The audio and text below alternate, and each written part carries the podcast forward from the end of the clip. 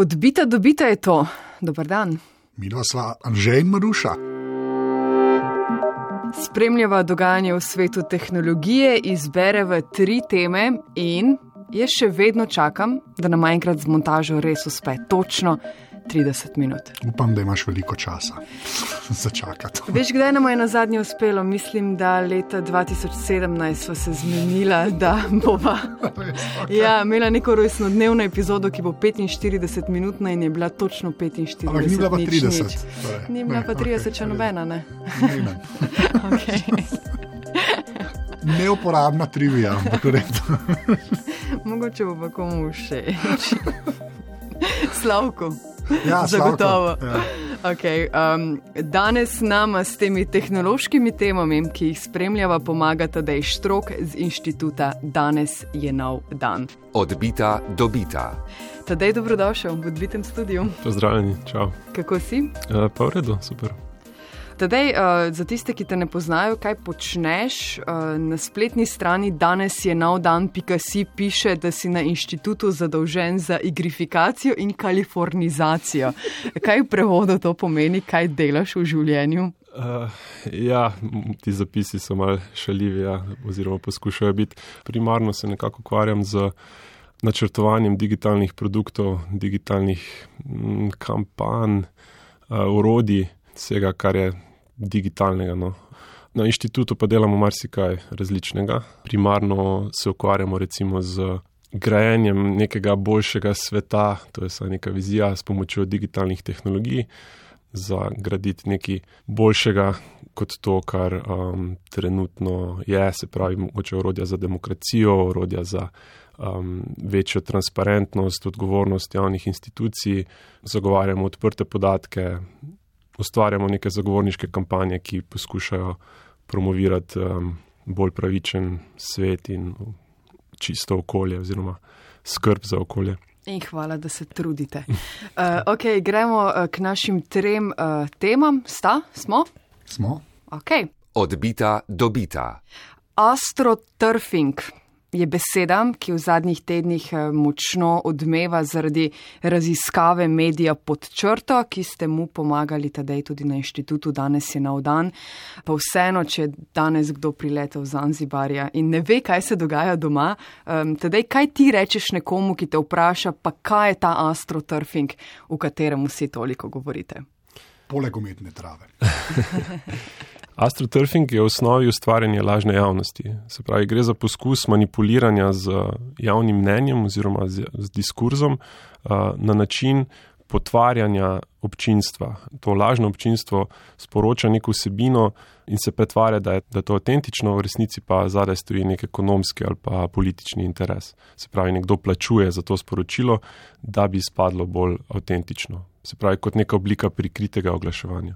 No, ampak zdaj v zadnjem času, naprimer v zadnjih dveh, treh tednih, eh, predvsem od eh, te eh, odmevne raziskave, se veliko pogovarjamo o astroturfingu. Moramo pa vseeno omeniti, da ni ravno nastal zmenjavo vlade v Republiki Sloveniji.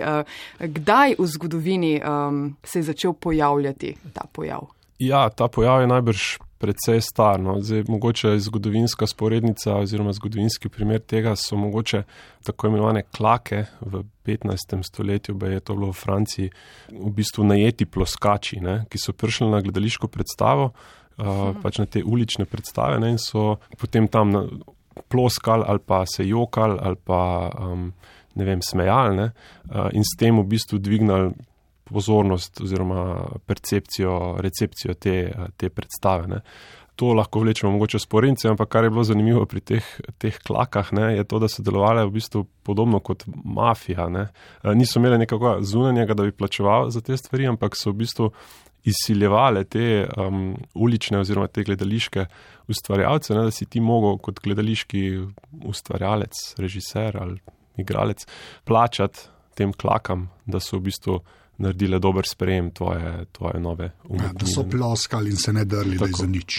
Ker če ne bi se drli, da je za nič, če ne bi plačali. Ja, tudi to je. Ja, ja. Ta, ta, meni je všeč ta primerjava, sploh tako zgodovino, ampak eh, ti, jaz bi se sam ene stvari dotaknil. Zdaj, glede na to, da v astroturfingu smo več ali manj govorili v kontekstu Twitterja, a ne, tu, tukaj je vsaj nek novum, ne, vsaj nekaj, vse jaz to tako vidim, ne, da pač to.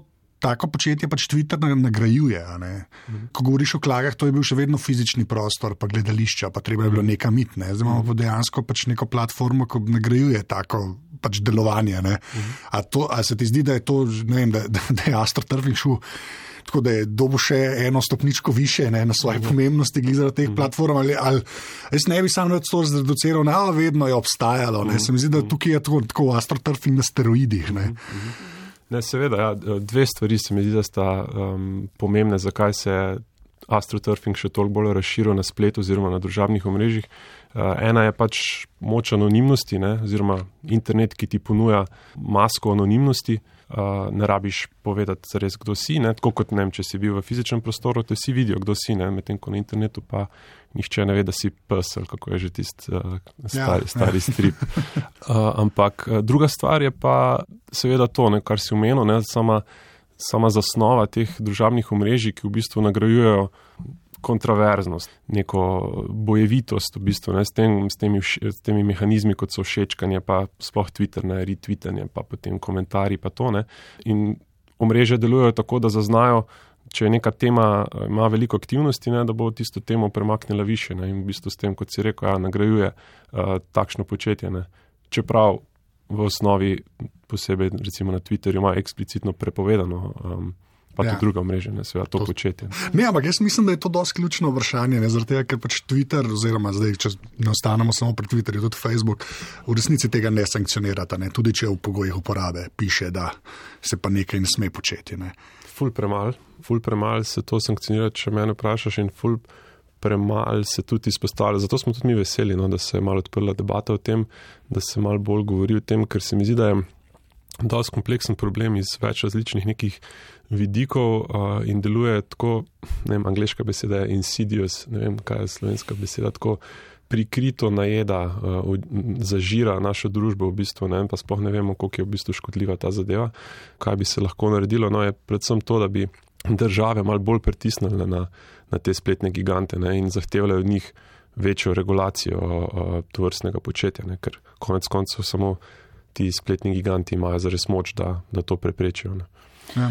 Kako zelo škodljivo, kateri so najbolj znani primeri v svetu, eh, če se zdaj eh, po, po tistem prvem, daleč v zgodovini nazaj, eh, pogledamo na spletno stran astroturfinga?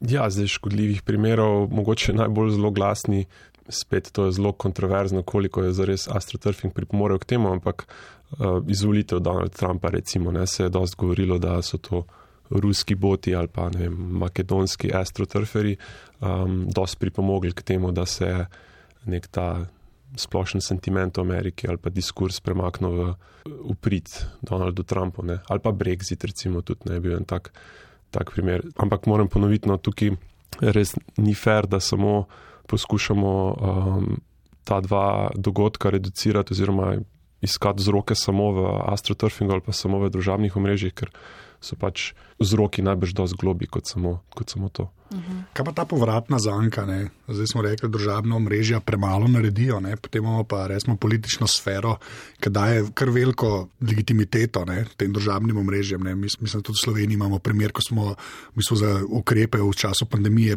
praktično najprej izvedli na državnih omrežjih. Mhm to, ta stvar se sama sebe oplaja. Zdaj, mislim, da, kot si rekel, ne, škoda je pa potem na državljanih. Uh mhm. -huh. Mislim, da politika ima nekaj od tega, državna mreža ima nekaj od tega. Ne. Mislim, da zarkamo pa načeloma tisti uporabniki, ki nas je največ gora. Ne. To so pa navadni državljani. Uh mhm. -huh. Kako nas to počasi najeda, ker se mi zdi, da prej bil cel diskurs okoli državnih mrež bil nekako naravnan na te mehurčke. Vsi smo se dali v mehurčke. Ne. Jaz mislim, da je to sploh ni težava. Uh mhm. -huh. Ne, zaradi tega, ker državna mreža, tako se reče, nagrajujejo te kontroverzne zdaj. Mm -hmm. Jaz bi prej rekel histerijo, sploh ne kontroverzne yeah. Ja. stvari. Ne? Yeah. Ja. Jaz bi bil klem mogoče še malo bolj ostar, ampak tako me zanima, če lahko razložiš, kako to zgleda, ne? da te počasi nekaj najede. Ker ti recimo na Twitterju doskrat izpostaviš kakšen profil, pa izpostaviš, komu ta človek sledi ne? in kaj ta človek potem cele dneve gleda. Ne? Ja, mislim, več vidikov je. En to, kar si zdaj rekel, ne, ta dieta, ne, ja, tvoja, tvoja Twitter dieta, se mi zdi, da ogromno pove v bistvu o, o človeku. Ne, ker um, seveda, če ti cel dan sledil trole ali pa pač ljudi, ki izražajo neko specifično mnenje na nek specifičen način. Tudi če nočeš, mogoče čez čas. Se mi zdi, da boš začel vsaj malo bolj razmišljati v to smer, ali pa se ti bo zdela ta stvar malo bolj normalna. Mm. Uh, in astroturfing se mi zdi najbolj nevaren ravno pri tej normalizaciji, pa ne samo sovražnega govora, ampak pač nekih stališč, ki mogoče zdaj meni kot progresivcu ali pa nasploh za družbo mogoče niso, niso najboljše. Ne. Tudi vemo, te teorije zarote, pa takšne stvari se, se dosta rade širijo na, na, na družabnih omrežjih ne, in, in na podoben način. Ne. A so to samo stališča, ali gre tudi sam za diskurza? Ne? Ker tisto, kar jaz opažam, je, da imaš lahko tudi reči, recimo, ne, da se z nečem strinjaš. Pa zdaj ni važno, kje si na spektru, ali si konzervativno, mm. zelo usmerjen ali pa mm. progresivno. Mm. Jaz pač opazim, da se zgodi, da tudi s stvarmi, ki se mi strinjaš, strinjaš z njimi, potem vidiš, da je diskurs šel v to smer, v te, to retoriko, ki jo v bistvu ljudje, ki pa astroturfing izvajajo, uporabljajo. Ja. Pa se mi zdi, pa si rečeš, pa vse je ok, vse, je ok, ampak tako malo stavite konje, pa ne v smislu, ja. da se ne bo nič doseglo, ne? ampak ta dieta na dolgi rok res, hmm. res načne človeka. Ne? Tako zelo nezavedno, ljudi, ki dobro hočejo. Tako, lahko damo tak ekstremen primer tudi. Veš, nekdo, ki bi podpisal vse, kar je danes in od dan naredil, ja. pa se lahko potem obnaša ne, na Twitterju res že mm preko meja vsega dobrega, če bi se mal nazaj potegnil. Ja, se, se absolutno strinjam in tukaj se mi zdi, da ni, seveda, spet znova, ni samo vzrok astroturfing, ampak so vzroki um, mogoče širši. Ne? Če se vrnemo spet na to masko anonimnosti, ki ti omogoča internet, pa ta odtujenost, ne, ti, da si za ekranom skrit, ne, ne rabiš nekomu v obraz povedati, ampak lahko preko Twitterja nekaj šalivega napišeš ali pa ne vem, uh, sarkastičnega, ciničnega. Ne? Sploh Twitter, ne? ker ima pač tako že s tem facilitira to odrezavost, ja. samo posebne teh 240 znakov, ne? valjda boš napisal nekaj čim bolj pikrega. Ne? Čim bolj on point. In, in ja, ne, to najbrž ni dobro za, za sam diskurs, ne, uh, politični ali pa družbeni, ne, ker potem, potem plus tega, da se to nagrajuje, da, ja. da se reproducira, ne, ob enem vidiš, vsi isto počnejo, začneš početi mogoče tudi ti na isti način razmišljati, komunicirati ne, in se tako potem kepa vali dalje. Ne. Kar je še bolj grozno, je mogoče tudi to, da, ali pa neka stranska posledica tega je tudi to, da se ljudi potem pasivizira. Ne? Na eni strani imaš ljudi, ki jih to totalno mobilizira, uh -huh. uh, na drugi strani pa ljudi, ki jih pač to odvrne. Ne? Se pravi, o, oh, fakt, ne bom več gledal Twitterja, ker je tako sama greznica, ne? ker je tako vse je grozno. Ne? Karkoli vidim, vsi so grozni, vsi samo vem, kritizirajo ali pa se pritožujejo ali pa so cinični, sarkastični. Ne? Jaz se ne grem več tega ne? in mogoče nekdo obupa nad. Politiko ali pa nad političnim diskurzom, ali pa nad vem, um, sodelovanjem pri teh omrežjih, pa se je dobro, mogoče na nek način je to tudi lahko prednost. Ne? Ampak um, to se mi zdi, da je tudi ena pravna črtna posledica tega astroturfinga, da v bistvu ti diskurs tok um, zablatiš, ne? oziroma da, da pripelješ ljudi v ta mud wrestle, ali kako se že reče to, ne? da, da se morajo v tem gnoju, potem vsi nekako spopadati med sabo, ne?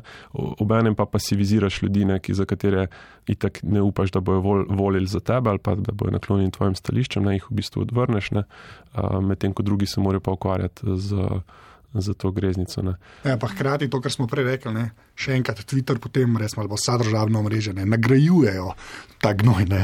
To je težava, ne? ker seveda lahko nekdo pasiven postane, ne? ampak tudi z, z neko zmerno retoriko, zdaj, z, glede katerega kolega sliša, nisi tako uspešen, zdaj narekovaje delam ne? na teh državnih omrežjih. Ne? Ker mm. če ne bo kontroverznosti ne? ali ja. pa histerije, ja, ne? Ja. se pač ne bo kazalo. Ne? Tako da je res taka zelo grozna zanka, v katero smo se ujeli, vsi več ali ja. manj. Ja. Pa, pa to bi še dodal, v bistvu tle, no, pri tej pasivizaciji, ne, doskrat potegnem to analogijo. Ne, če se spomnimo komentarjev v mislim, sekt, komentatorske sekcije pri novičarskih portalih. Ne, ja. Čas, ko se je internet začel malo bolj tako širiti, pa to ne pa so bili ti portali, je bila tam debata dost. Kulturna, bom rekel, no, vsaj tako normalna, no, če, že, če že ne kulturna. Ne. In potem se je skozi leta ne, se nekako to postali vedno bolj podobno neki tej greznici, oziroma je pač degradirala v, neko, um, v nek razpad sistema, in dan danes v bistvu nihče več sploh ne jemlje resno več teh komentarjev, nihče jih ne hodi gledati, razen norcev. Um, Marsikateri portali so zaprli komentatorske sekcije in tako naprej. In se mi zdi, da podobna zgodba se zdaj dogaja na nek način s Twitterjem. Ja. S tem na Twitterju ima še pa večjo to težo, ne? ker je kot komentatorske sekcije pač niso bile zares neki ful prepoznane ali pa neke teže imele v diskurzu. Ne? Twitter pa nekako ima, ne? ker ga mediji konstantno, uh, tweet, politiki ga uporabljajo, mediji, mediji ga reproducirajo ne? in novice se tam gor um, oblikujejo. Ne? Tako da. No, ampak to se meni zdi zelo pomembno reči. Ne? Ta zanka, pač politika, pa sploh mediji. Tako kot sem rekel, da mi lahko zvemo za koronske ukrepe ne? na Twitterju, potem to mediji pozamejo in pač ja. daš legitimiteto ne? uh mhm. -huh. pač enemu tweetu ali pa uh mhm. -huh. celi platformi samo zaradi tega. Ne? In je pač uh mhm. -huh. ne mogoče uideti. Ne? Mi zdaj, ja. kle smo lahko se malo bolj počutimo, mi trije, ki tukaj sedimo, ker saj to kritiziramo, pa smo mi umeti na mediju. Ja. Ampak v resnici zmeraj daješ moč tej zanki na kakršen koli način. Zato meni je všeč, da se pač ta astroturfing nekako da se ga je izpostavilo, ampak se mi zdi, da je to sam res en del uh. -huh. te cele debate, kako se je to res izrodilo. Uh. -huh. Zelo všeč mi je ta primerjava z komentarji na spletnih uh. -huh. portalih. Val 202 komentarjev nima. Jaz bi samo to rekel in to zelo načrtno. Res zelo, zelo načrtno, ker, ker, ja, ker uh, to od blizu videti, sploh na teh večjih portalih. Ne. Sploh če si uh, na drugi strani, ne. nekaj tudi je moderirano, ne, ampak je, pač se ne da, ne. to, so, to je tsunami. Ne. Na drugi strani sta pa dva človeka, ki upata, da bosta kliknili dovolj teh norcev spet na, na rekovajih. Ja. Ampak ja, se tako, se mi zdi, da astroturfing je res, jaz, kjer največje zlo astroturfinga vidim, je prav ta zlova vse to izkoriščati in še potencirati. Ne. Ne, nek sistem, ki je že tako zlomljen, potem še umetno napihvati ne, in pač pomagati, bi človek hotel reči, propada državnih mrež, ampak se to pač ne bo zgodilo. Ne. Ja. ja, jaz pravim v bistvu, da astroturfing deluje kot katalizator črednega nagona. Ne. Če vidimo, da ima en sladoled na ulici, uh, ne, nek sladoledar, da ima vrsto, ne, da ima uh -huh. veliko ljudi, ki čaka na ta sladoled, pa gremo mi mimo in reklo, da mora biti pa ful dober sladoled. Ne. Ali pa, ne vem, zanimiv primer se mi zdi tudi, pa to ni astroturfing, ampak. Um, Ti uh, left tracks, ne, se pravi v teh sitkomih ameriških, ne, ko se od zadaj smejijo ljudje, ne, ja. občinstvo, ki je posneto, ne, uh, ki te nekako spodbuja da je smej se tudi ti, ne, ne lažje. Smešno je, smešno, smešno je, ne, smešno je, ne, in v bistvu te nekako pre, premakne v to, da bi se ti tudi smejal. Ne, Ali te pa poskuša prepričati, ker tudi če ti ni smešno, takoj se sprašuješ, zakaj je pa vsem polje že neki na tako, tem. Ja, tako, tako je zvrsto, ne, tudi če ti ja. sladoled ni všeč, si mogoče ti malo čuden, ker veliki večini pa je. Ja. Um, O astroturfingu se eh, pogovarjamo, ki želi uh, z množico anonimnih, neresničnih uh, profilov na spletu spreminjati javno mnenje, tudi utišati kritične posameznike, ustrahovati. Gremo še na ta odbit del debate. Poslušalke, poslušalce zagotovo zanimajo uh, orodja, načini, uh, kako ste vse to počeli. Doma v Sloveniji ste analizirali profile, ki so lažni, ki ne obstajajo. V raziskavi ugotavljate, da so to profili, ki napadajo kritike vlade Republike Slovenije in kritike stranke SDS. Potem se je zgodila še ta slavna afera Kopriva, ko smo videli, kako v praksi izgleda lažni profil, ki ne obstaja, ker obstaja poslanka, ki ima v tem primeru več profilov. Ampak, če poslanka ali kdo drug ne bi naredil napake, je te profile zelo težko odkriti. Um, kako ste to raziskovali, kako ste jih odkrivali, mogoče s katerimi urodji, koliko časa ste potrebovali? Ja, um, res je, zelo je težko. No. V bistvu to je moj nekak um, izkupiček tega. Delali smo raziskavo približno tako on-off, mogoče malo več kot pol leta.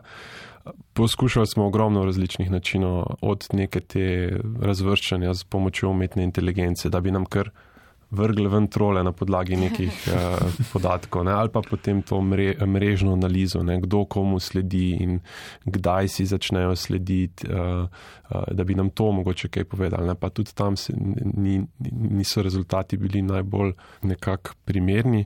Tako da ja, en kup orodij, en kup nekih analiz, uh, obračanja podatkov, soočali smo se tudi s tem, da Twitter je, mislim, primerjavi z drugimi omrežji Twitter dosti hvaležen za analizo, ampak vseeno pa tudi ne toliko, kot bi želeli. Tako da upamo zdaj, da bomo dobili ta boljši dostop do njihovega API-ja. Da se um, pogovarjate z njimi direktno? Ja, posredno. Um, preko Stanford univerze smo imeli nekaj kontakta, uh -huh. ker so tam tudi delali podobne analize, oziroma oni so delali potem, ko je Twitter že naredil nek takedown, so oni analizirali podatke. Ja, Twitter je izbrisal nekaj takšnih, nekaj tisoč takšnih lažnih profilov. Stanford je v raziskavi analiziral astroturfing na primeru Srbije in predsedniških volitev. Ne? Samo ja. za internet se nadaljuje. Ja, tako.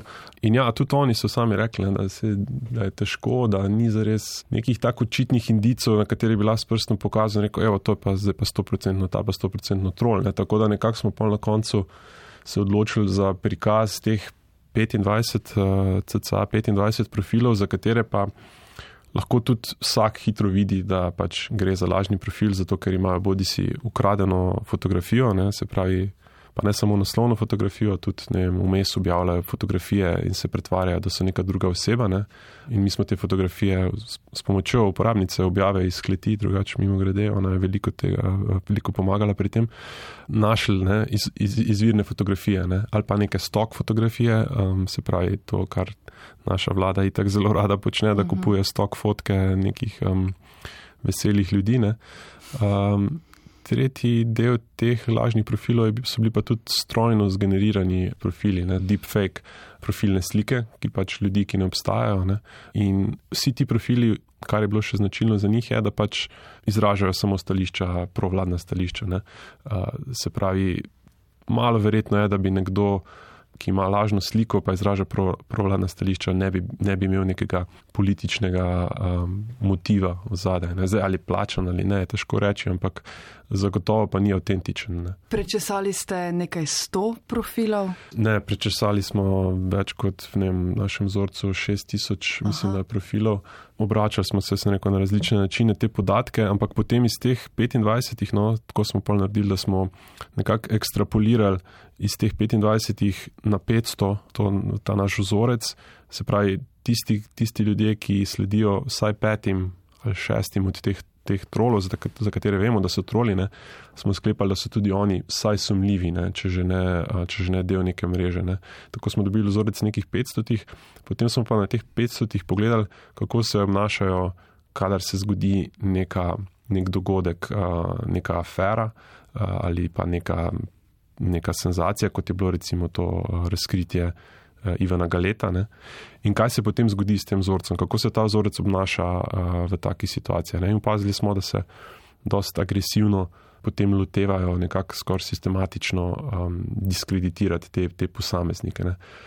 Tukaj je pomembno še podariti to, no, pa se mi zdi, da to se je doskrat zdaj, ko se je toliko govorilo o tem astroturfingu, se je nekako pozabil, da ni toliko problem, če ljudje ali pa uporabniki kritizirajo politike ne? ali pa mogoče tudi novinarje so že no, mogoče malo bolj zaščiteni, ampak problem je, kadar, se, kadar to kritiko prenesemo na ne, poprečnega posameznika, ne, ki se sam izpostavi, bodi si z nekim argumentom, bodi si z neko kritiko, ne, kot je bil primer tega Richarda Knafla. Ne, on je strokovnim mnenjem. Tako, ne, on se izpostavi strokovnim mnenjem ja.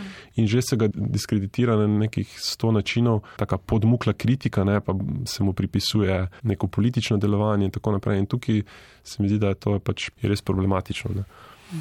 Načrtujete v prihodnosti kaj podobnega, raziskovanje novega števila tisočih ali novo nastalih profilov?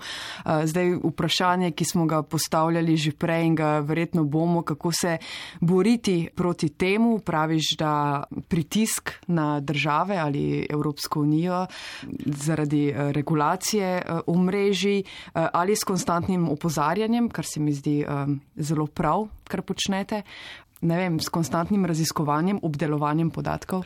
Ja, mislim, bomo še naprej mal spremljali en, en projekt, če imamo, ki bo nekako uh, zmapiral to tvitosfero, kar smo nekaj že začeli v sodelovanju z Markom Plahuto, ki je odličen uh, podatkovni analitik, uh, čarovnik. Um, in uh, imamo še to v planu dati v nek tak zemljevid tvitosfere slovenske, kjer se lepo vidi v bistvu nekako, kateri so, kdo je na kateri strani in kdo katere predvsem to je zanimivo videti, no, kdo katere um, vsebine širi, ne, potem se da dost lepo zmapirati uh, omrežje.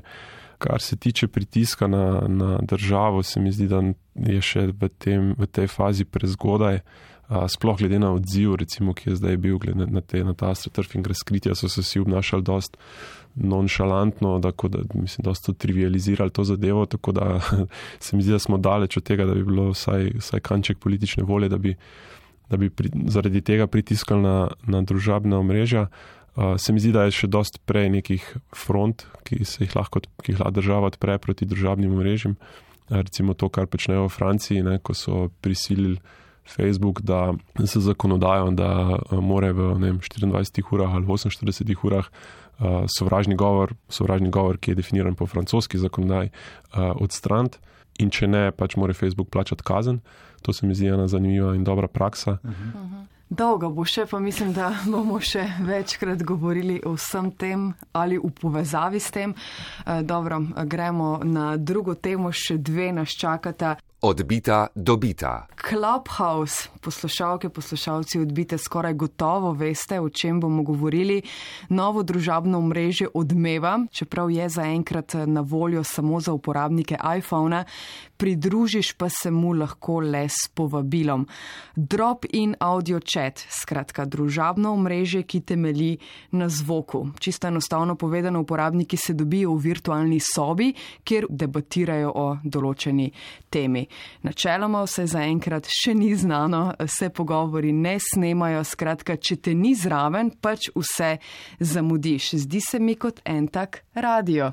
Zato se mi zdi tudi hecno to navdušenje nad novim omrežjem, ker to ljubezen do avdija, ki teče v živo na radiju, razlagamo že ohoho letne. Um, kaj pravite vidva na Clubhouse? Je kul, cool, ni kul, cool, bo kul, cool, bo ogromna stvar. Ne vem, ogromna mogoče ne bo. Ne. Se mi zdi pa, da bo imela konkreten uh, vpliv ali pa uh, vtis v tem social media landscapeu. Če jih ne bo nekdo hitro kupil ali pa repliciral tega, kar ponujajo, ker se mi zdi, da. Grem staviti, da na Facebooku že dve ekipe inženirjev delata na klonu. ja, se že tudi dogaja. Pa tudi na Twitterju, ja. Uh, se mi zdi, da je tak koncept, ki ni tako težko za reproducirati, tudi nima nekih teh eh, internih, veliko teh internih mehanizmov, ki bi delovali kot neke varovalke, ne se pravi, nimaš teh klasičnih follow, following, um, buildanja statusa uh mhm. -huh. mehanizmov, ne? tako da se mi zdi, da jih znajo skupirati. No?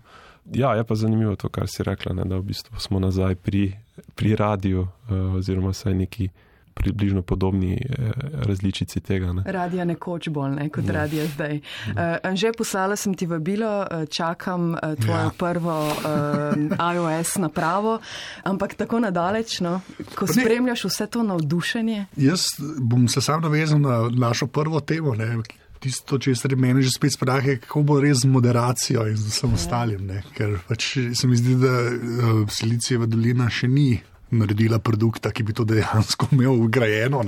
Klej se mi zdi, sem se zadnjič zadnji se pogovarjal z enim kolegom, ki je tudi v tem svetu.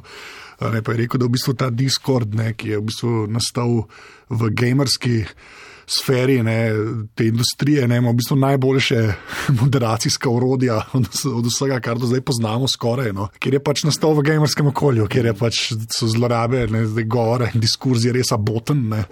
Te, te vsi ostalo mreže so pa nekako začnejo na predpostavki, da se bomo vsi lepo obnašali. Zdaj, vse so že bili neki relativno kontroverzni momenti, tudi na Clubhouse, kar sem bral, nek so ljudje res širili že spet grozodejstva. Uh, tako da ne vem, mislim, te, ta, ta navdušenje navdušenje, jaz nočem več po prstih dobiti, tako, ali pa ne da jaz po prstih, ali pa se po glavi ne, z prekomernim navdušenjem, potem bom pa čez pet let, oh, zdaj se bo še kle. Ne, pa bo samo napoved mine. Astroturfing v Clubhouse, bo na eni točki tema. Ne, ampak se, to se mu vče sliši smešno, ne, ampak ne, zdaj, kot je prej tedaj rekel, zdaj se res pogovarjamo, kako bomo mogli države dejansko na eni točki pritisniti na ta podjetja. Zdaj, Clubhouse seveda ni tako velik, ne, tudi, ni, ampak se tudi Twitter enkrat ni bil tako velik, pa Facebook tudi ne, pa Instagram tudi ne, ne, pa vse ostalo ni bilo tako veliko, da bi bil dejanski problem. Ne. Potem pa zdaj v narekovaj, ker naenkrat to postane. Zdaj vse, kar jaz vem o Clubhouse, ker sem na Androidu, pač ga še nisem preizkusil. Ne zgleda, glih, da se kdorkoli trudi s kakršno koli moderacijo ali pa skrbljenjem, da ljudje ne bojo nadlegovani in vse ostalo. Ne, da, ne Kaj pa svoboda govora? ja, okay. ja, čeprav glede moderacije sem jih zadnjič videl, da imajo, to, da imajo ta mehanizem, da če te več uporabnikov označi da, oziroma blokira, da te potem vem, odstranijo oziroma ti, da ti dajo nek flag. Uh, gor, da ti si pa škodljivec. Ne?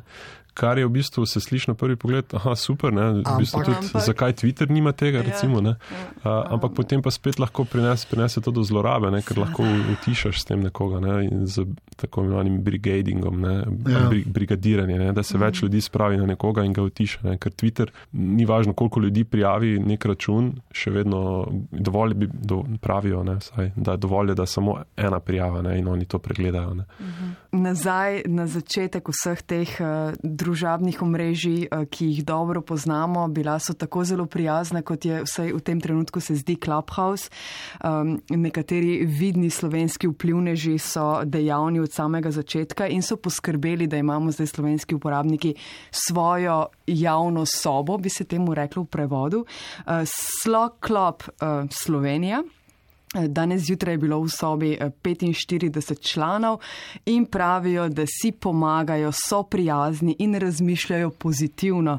Uh, govorijo o startupih, hrani, pijači in potovanjih. Uh, tak je vsaj upis te slovenske skupnosti na Clubhouse. Uh, skratka, zveni preveč lepo oziroma zveni tako zelo tipično za družabno omrežje na začetku klicaj.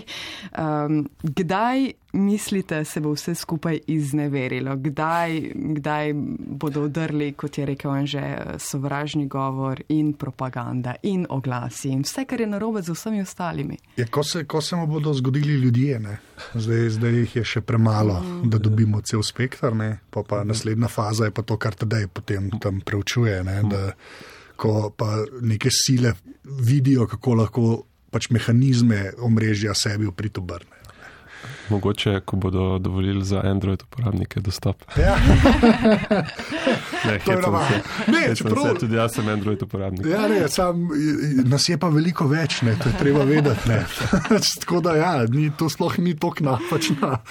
Mislim, ni tako napačen stavek. Ja, ker, ja mislim, slejko prej. To, to, jaz mislim, da je, da je to tisto, s čemer smo se naučili živeti. No. Pa jaz tudi vidim tak res velik uh, premik do nekih zasebnih pač omrežij. Ne, tako da ljudje postavljajo svoje Discorde, svoje Slack kanale ne, in se tam neke skupnosti oblikuje, ki so pa, zdaj, če, če se ljudje tega pravilno lotijo, z, z, dosti bolj uh, moderirane. Ne, da, pa to je neka lekcija, ki, ki res uh, ni nova. To vejo vsi, ki so v 90-ih bili na forumih. To, to ni, zdaj, da smo se mi nekaj novega spomnili. Jaz mislim, da razlika je pač ta, da so se z državnimi omrežji res zgodili ljudje, ker so uporabniški umestniki tako enostavni, da lahko praktično kdorkoli to uporablja. Ne.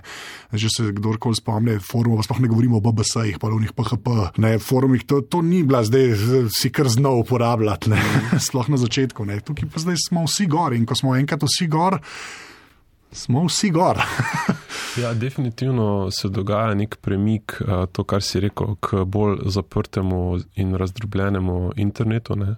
Če smo prej v tej dobi družabnih omrežij, ne, um, vsi komunicirali bolj tako one-to-many, oziroma dajali svoje misli, svoje objave čim večjim ljudem, probali zgraditi čim večje občinstvo. Ne. Se zdaj dogaja to, kar si rekel, ja, da se ljudje zapirajo nazaj v neke bolj nišne skupine, bolj zasebne, privatne, kot kar Clubhouse, ne, so tudi uh, pogosto lahko zaprte skupine, ne, ali pa Discord serveri, ali pa zaprte Facebook skupine, pa Telegram skupine, WhatsApp, chati, ne, Instagram. Čat skupine na Instagramu so tudi popularne ne, in se mi zdi, da ljudje se malo so šli mal korak nazaj. Ne. Zdaj, kaj to pomeni, po eni strani je lahko dobro, ne, ker um, pač mogoče zaradi večje moderacije, ki, ki se lahko zgodi, ne, oziroma pač neka kultura diskurza je lahko večja na takih bolj nišnih, specializiranih uh, skupinah. Ampak potem imaš pa po drugi strani spet problem tega uh, eko-chamberjev, pa mehurčkov. Uh mhm. -huh. in, in še večji problem je pa mogoče to, ne, da, da je sploh težje potem analizirati in vedeti, kaj se dogaja ne, v vseh teh razdrobljenih skupinah zasebnih, ne, ker brez da se infiltriraš v njih, jih niti ne moreš zares analizirati. Ne. Analogija oziroma neka oznaka za to, ki se zdaj dost pojavlja, uh, je temni gost, uh, Dark Forest. Yeah. Ne, kjer se. To izvira iz nekega science fiction romana kitajskega, ne, ki govori o tem, da zakaj še nismo odkrili vesolcev, zato ker je vesolje kot temni gost, kjer se vsi, vse civilizacije skrivajo, vsaka zase noče dati nič od sebe, ne, ker, ker vejo, da če bi se daleke od sebe, bi s tem povečale možnost, da se uničijo, ne, da jih nekdo uniči. Ne. In isto se zdaj dogaja s temi skupinami, ne? vsi se zapiramo v skupine in noben noče kaj velik ven iz njih, ne? zato ker se boji, da bo nekdo prišel in reporto ali pa nekdo zatežil. Že spet ne razmišljamo kot relativno dobri ljudje za to mizo, ne, da o, o skupinah, ki bi res dvignili diskurs. Ne, ne govorimo o Bladenonu, Discord serverjih, ne, ki jih je potem še težje odkriti. Tako, ja. Tako da, to je, vedno je dvorezen meč, ne, ampak je, je pa to, jaz mislim, da čisto zelo naravna reakcija, pa vsaj v tem trenutku, jaz mislim, da zelo pravilna, ne, da, se, da, da se potegne nazaj, ker, ker so mehanizmi, ki jih imajo ta, ta velika državna omrežja pač res niso vzdržni za, tako, za, res, za mentalno zdravje vsakega, ki je gor. To je čisto resno rečem, ne, ne v šali. Ne. Tako, ta, to, ki smo se že na začetku pogovarjali, ta histerizacija, pa potem nagrajevanje te histerizacije. Ne. Zelo všeč mi je ta dieta, škoda sem se iz tega spomnil. Tudi ta vanity culture, ne, ki se je tako razvil uh, v zadnjih letih, je v bistvu odraz tega, bil tega ne, delovanja državnih omrežij, da te me gledate, da te me čim bolj gledate. Ja. In zdaj, če se bo res premaknil malo bolj v to smer, bolj v zapiranje, ne bo tega hopefully manj, ne, kar je, kar mogoče res lahko pozdravimo. Ja, ampak nažalost nas je ful veliko na svetu. ja. Zanimanjem bomo spremljali, kaj se bo dogajalo s Clubhouseom, no, če se bo omrežje obdržalo, v katero smer bo šlo, bolj v tej zaprtej ali pa delno javne sobe ali popolnoma javne sobe sobe. En zanimiv podarek, mogoče neko si prej rekla, da se vračamo nazaj k radiju. Ne? Tudi to je v bistvu del enega širšega trenda, ki se mi zdi, da se dogaja na, na spletu, ne? ko oh, gremo nazaj k nekim bolj analognim zadevam. Ne vem, če ste videli tudi tale dispo. Um, mislim, da se imenuje, uh, zelo popularen je in je v bistvu simulacija uh, disposable kamere, se pravi fotoaparata za enkratno uporabo. In je app, ne, ki ti ki greš na zabavo, fotkaš vse večer, ampak fotke dobiš še naslednji dan. Ja, to je to. Že videl, točno vem, kako ikona zgleda. Prvič slišim, zato točno vem, kako ikona zgleda za ta app. Tako da, ja, okay. tako da res delamo nek ta full circle. No, in tudi zanimivo se mi je zdelo, zadnjič nekaj bral, da kako bi moral Netflix rešiti ta problem, da ljudje preveč browsamo po. Preden se odločimo, kateri film mm -hmm. ali pa serijo gledamo, preveč browsamo po tistem meniju, ne, verjetno vsi, vsi smo se že soočili s tem. In da zakaj Netflix ne, ne uvede preprosto kanalov, kjer bi pač se vrtele stvari, ne, da te ne le treba izbirati, ne. izumili TV ponovno. Ja. Imajo pa nedolgo uh, gumb Play Something. A ja, imajo. Ja, ja, ja, no, evo, ki, evo, ki ja, pač uh, te reši te ja. uh, neskončne množice uh -huh. izbirane. Samo še tole sem vam želela povedati, vidva uh, Android človeka. Twitter je za uporabnike Androida že omogočil beta verzijo platforme Spaces, uh -huh. ki je zelo podobna Clubhouse. Um, za uporabnike iOS-a pa naj bi bila dosegljiva do decembra ali v decembru uh, letos. Skratka, virtualni klepet v realnem času je. Trend, ne vemo, če je prihodnost. Ja, bomo spremljali. Govoriš s človekom, mogoče z dvema, jaz ne uporabljam uradne Twitter aplikacije zaradi diete. Ker jaz uporabljam aplikacijo, ki mi ne kaže, you might have missed in pa kaj je trending, ker me ne zanima, ker vem, kako ti algoritmi delujejo. Tako da jaz se tako borim za boljšo Twitter dieto in mislim, da uradne ne uporabljam, zdaj pa že ne vem, kar nekaj letno. Čeprav zdaj so omogočili, mislim, da lahko tam izbereš. Tudi Facebook se mi zdi, da zdaj omogoča, da lahko izbereš Show Me Recent. O ja, ta gum dela. Probi. Probi ja, pa ti switchne nazaj. Ne? Ja, seveda. seveda. Ampak ja, tukaj je res izvor, mislim, veliko tega zla, ne, teh algoritmov, ne, se je zgodil s tem, ko so spremenili, da ni več kronološko ja. objavljeno, ne, ampak da ti oni servirajo. Ja. Ok, uh, predolgi smo, ampak vse to je že klasika. Uh, tretja tema, uh, zadnja stvar je ponavadi um, nekaj zanimivost, lahko tudi priporočilo, uh, zato tudi tokrat nekaj, kar je najnemu gostu blizu. AR, praviš, da ti je blizu, po slovensko obogatena resničnost. Zakaj se ti zdi AR bolj uporaben kot VR. Namreč ne, v zadnjem času smo nekaj govorili, vsaj o VR-ju, zdi se, da še ni uspel z množičnim prebojem, vsaj doma ne. In vedno, ko govorimo o virtualni in obogateni resničnosti, se nam še vedno, dajmo priznati, vse skupaj vsaj malo zdi kot znanstvena fantastika. Ja, mogoče ne bi rekel, no, da je danes še AR bolj uporaben kot VR. Obe tehnologiji se mi zdi, da, se mi zdi, da imata ogromno potencijala. Uh, AR mi je pač bliže zato, ker um, se s tem nekako ukvarjam tudi zadnjih par let uh, z našim startupom. Se mi zdi, da ima veliko potencijala, ne? ampak smo še daleč od tega, dokler imamo AR, se pravi, bogatena resničnost samo na telefonih. Še ni isto, kot takrat, ko bomo res imeli to na očalih, ne? šla te stvari gledano neposredno. Ne? Ja, pa je, da se bo zgodila naslednja bitka za ja. za naš 3D prostor. Ne? Že igravci kot so uh, Facebook, pa Niantic, uh, Snapchat se trudijo poskenirati naš svet, ne? se pravi, ne samo ta nek makro pogled, ampak tudi dejansko narediti 3D repliko našega sveta in ko bo enkrat to. Um, bolj dostopno in tehnologija še malo dozorela, se bo lahko delal precej zanimive stvari ne, z, z našim okoljem, ne, ga nadgradili, oplemenitili s podatki, um, prikazali stvari, ki niso več tu ne, uh, in zna biti zanimivo. Pa te govorice, da Apple tudi dela na nečemu, kar si bomo dali na glavo, mislim, da ne smemo uh, pozabiti, ne, ker s, te, s tem njihovim pristopom integriranega sistema, ne, uh, strojne opreme, programske opreme zna biti kaj. Prevečkrat se je že slišalo, da so neke ekipe, ki nekaj ja. delajo, kar se nosi, ki ni ura. Ja, vsekakor, vsekakor si, um, si veliki igravci delajo nekaj na tem. Um, najbrž se bo v neki, v neki prihodnosti tudi stvar z VR-om nekako konvergirala, da ne bo niti preveliko razlike med eno in drugo tehnologijo. Uh, boš pač sam imel neka očala. Ne? Uh, in ja, Apple pred kratkim, zdaj ti novejši iPhoni imajo vsi uh, LIDAR, ne, LIDAR, LIDAR uh, se pravi ta. Ki se za nič ne uporablja, praktično, mislim, vse za, za tri epe. ja, za enkrat še za tri epe, ampak je zelo mm. dober v skeniranju 3D prostora. Ne, se ja. pravi, tako je lahko identificira, v katerem prostoru, mislim, kaj je v tvojem prostoru. Ja, pa 3D, kje je stena, kje so tla, repliko. Ne, ja. Ja aplikacijo, ki se nam jo pokazal, jo bova dala v zapiske, um, vseeno um, vključuje uh, AR na neki spletni strani, spletni aplikaciji, zato se zdi mogoče bolj dostopno kot VR očala, uh, ki najprej nekaj stanejo in potem uh, vse ostalo. Ne? Zato AR mhm. bolj dostopen kot VR vse za enkrat. Ja, to pa, to pa vsekakor. Ne? AR tudi vsi poznamo na telefonih, če ne druga iz uh, teh Facebook ali pa Snapchat filtrov, ne, kot ti mhm. spremenijo obraz. Eh, ampak ja, kar naša aplikacija počne, oziroma naša platforma, s katero delamo razne aplikacije za muzeje, galerije ali pa arheološke parke, gradove, um, mesta, ne, je v bistvu, da, da je nek, neka oblika nadgrajenega audiovodnika, ki te pelje po nekih točkah interesa in na določenih točkah te tam pozdravi, mogoče nek lik v obogateni resničnosti ali pa neka, eh, neka stavba je tam rekonstruirana, ki jo zdaj sedaj ne vidiš več. Ne.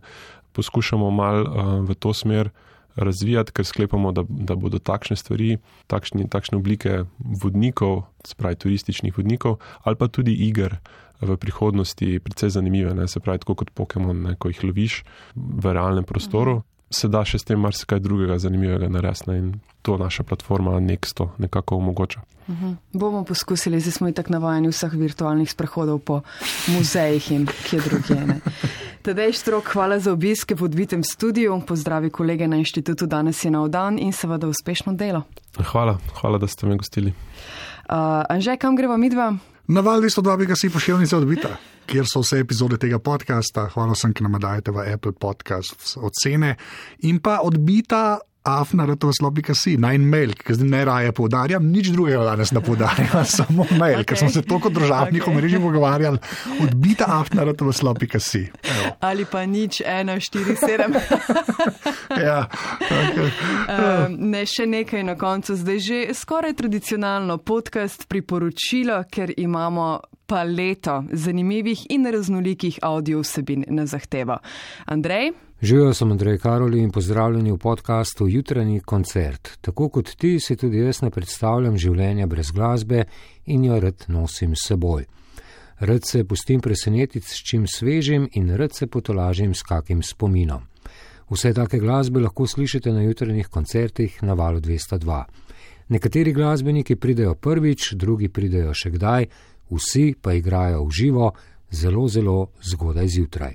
Ti pa lahko njihove koncerte poslušaš kadarkoli. Hvala, ker si tukaj in ne pozabi povedati prijateljem, ki še niso, da je podcast Jutrni koncert lahko doma tudi na njihovi pametni napravi. Viva la muzika! Zmenjeno in naročeno. To je to, ne? Yes. Do naslednjič, hvala za pozornost. Adijo. Čau.